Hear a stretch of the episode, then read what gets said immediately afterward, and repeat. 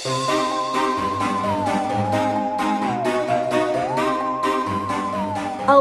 Mura Artinya, terbukalah Dari buku, bertebarlah ide dan inspirasi Suka baca buku?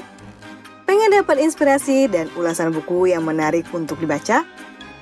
Semut-semut klub baca akan menemanimu bertualang di dunia literasi penikmat buku dan bacaan edisi Oktober 365 hari Suara Semut.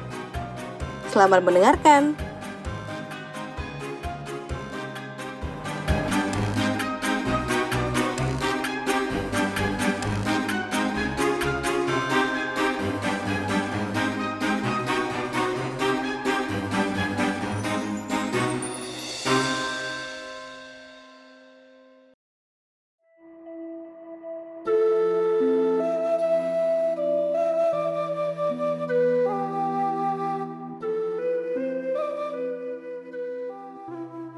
Halo gula-gula, aku Iin dari klub baca Semut Merah Kaizen. Di episode kali ini, aku akan membagikan ulasan buku Sweet Bean Paste karya Durian Sukegawa, atau dalam terjemahan bahasa Indonesianya, Pasta Kacang Merah.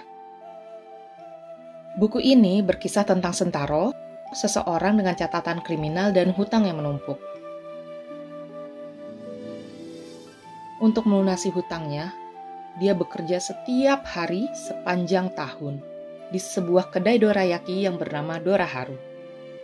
Selama ini, dia mengelola kedai itu sendiri.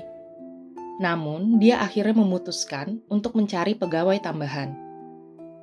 Suatu pagi, datanglah seseorang nenek yang menanyakan, apakah dia bisa bekerja di kedai itu? Sentaro pun terkejut. Dia pikir Rasanya tidak pantas deh untuk menjadikan orang yang jauh lebih tua darinya sebagai orang yang nantinya akan dia suruh-suruh. Dan yang bikin dia tambah ragu lagi adalah cacat yang ada di jemari sang nenek. Namun, setelah beberapa kali ditolak dan datang lagi, sang nenek akhirnya diterima untuk bekerja di Doraharu. Sentaro terkesima dengan pasta kacang merah buatan si nenek yang bernama Tokue itu. Selanjutnya, dimulailah petualangan Sentaro dan Tokue menjalani kedai dorayaki.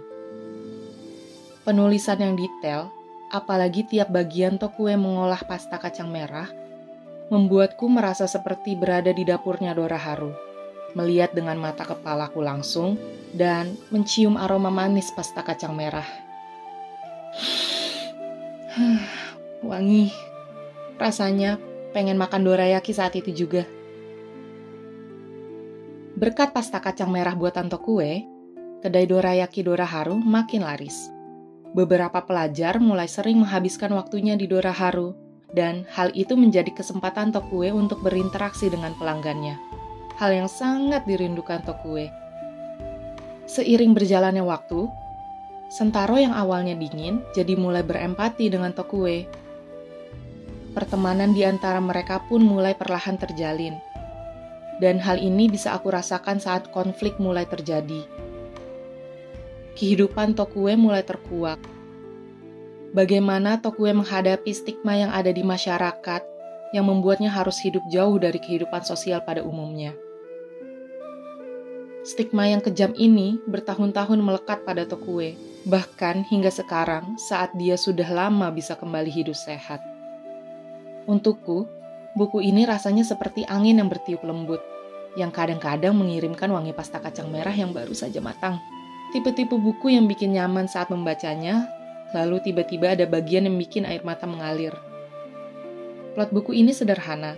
Kata-kata yang digunakan untuk terjemahan bahasa Inggrisnya yang aku baca juga sederhana. Tidak butuh lama untuk bisa mengerti dan langsung mengimajinasikan diriku sedang duduk santai di Dora Haru.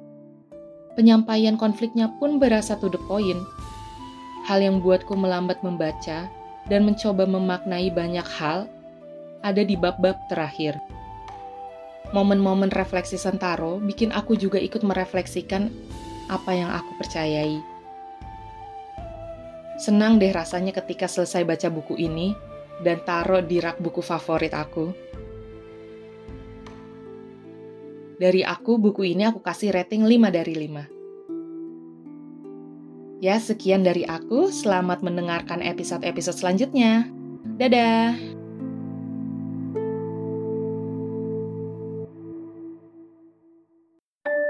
Terima kasih sudah menyimak episode dari Klub Baca SMK.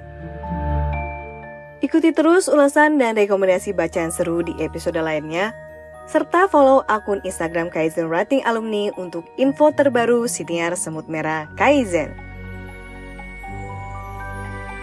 Finite, incantatum.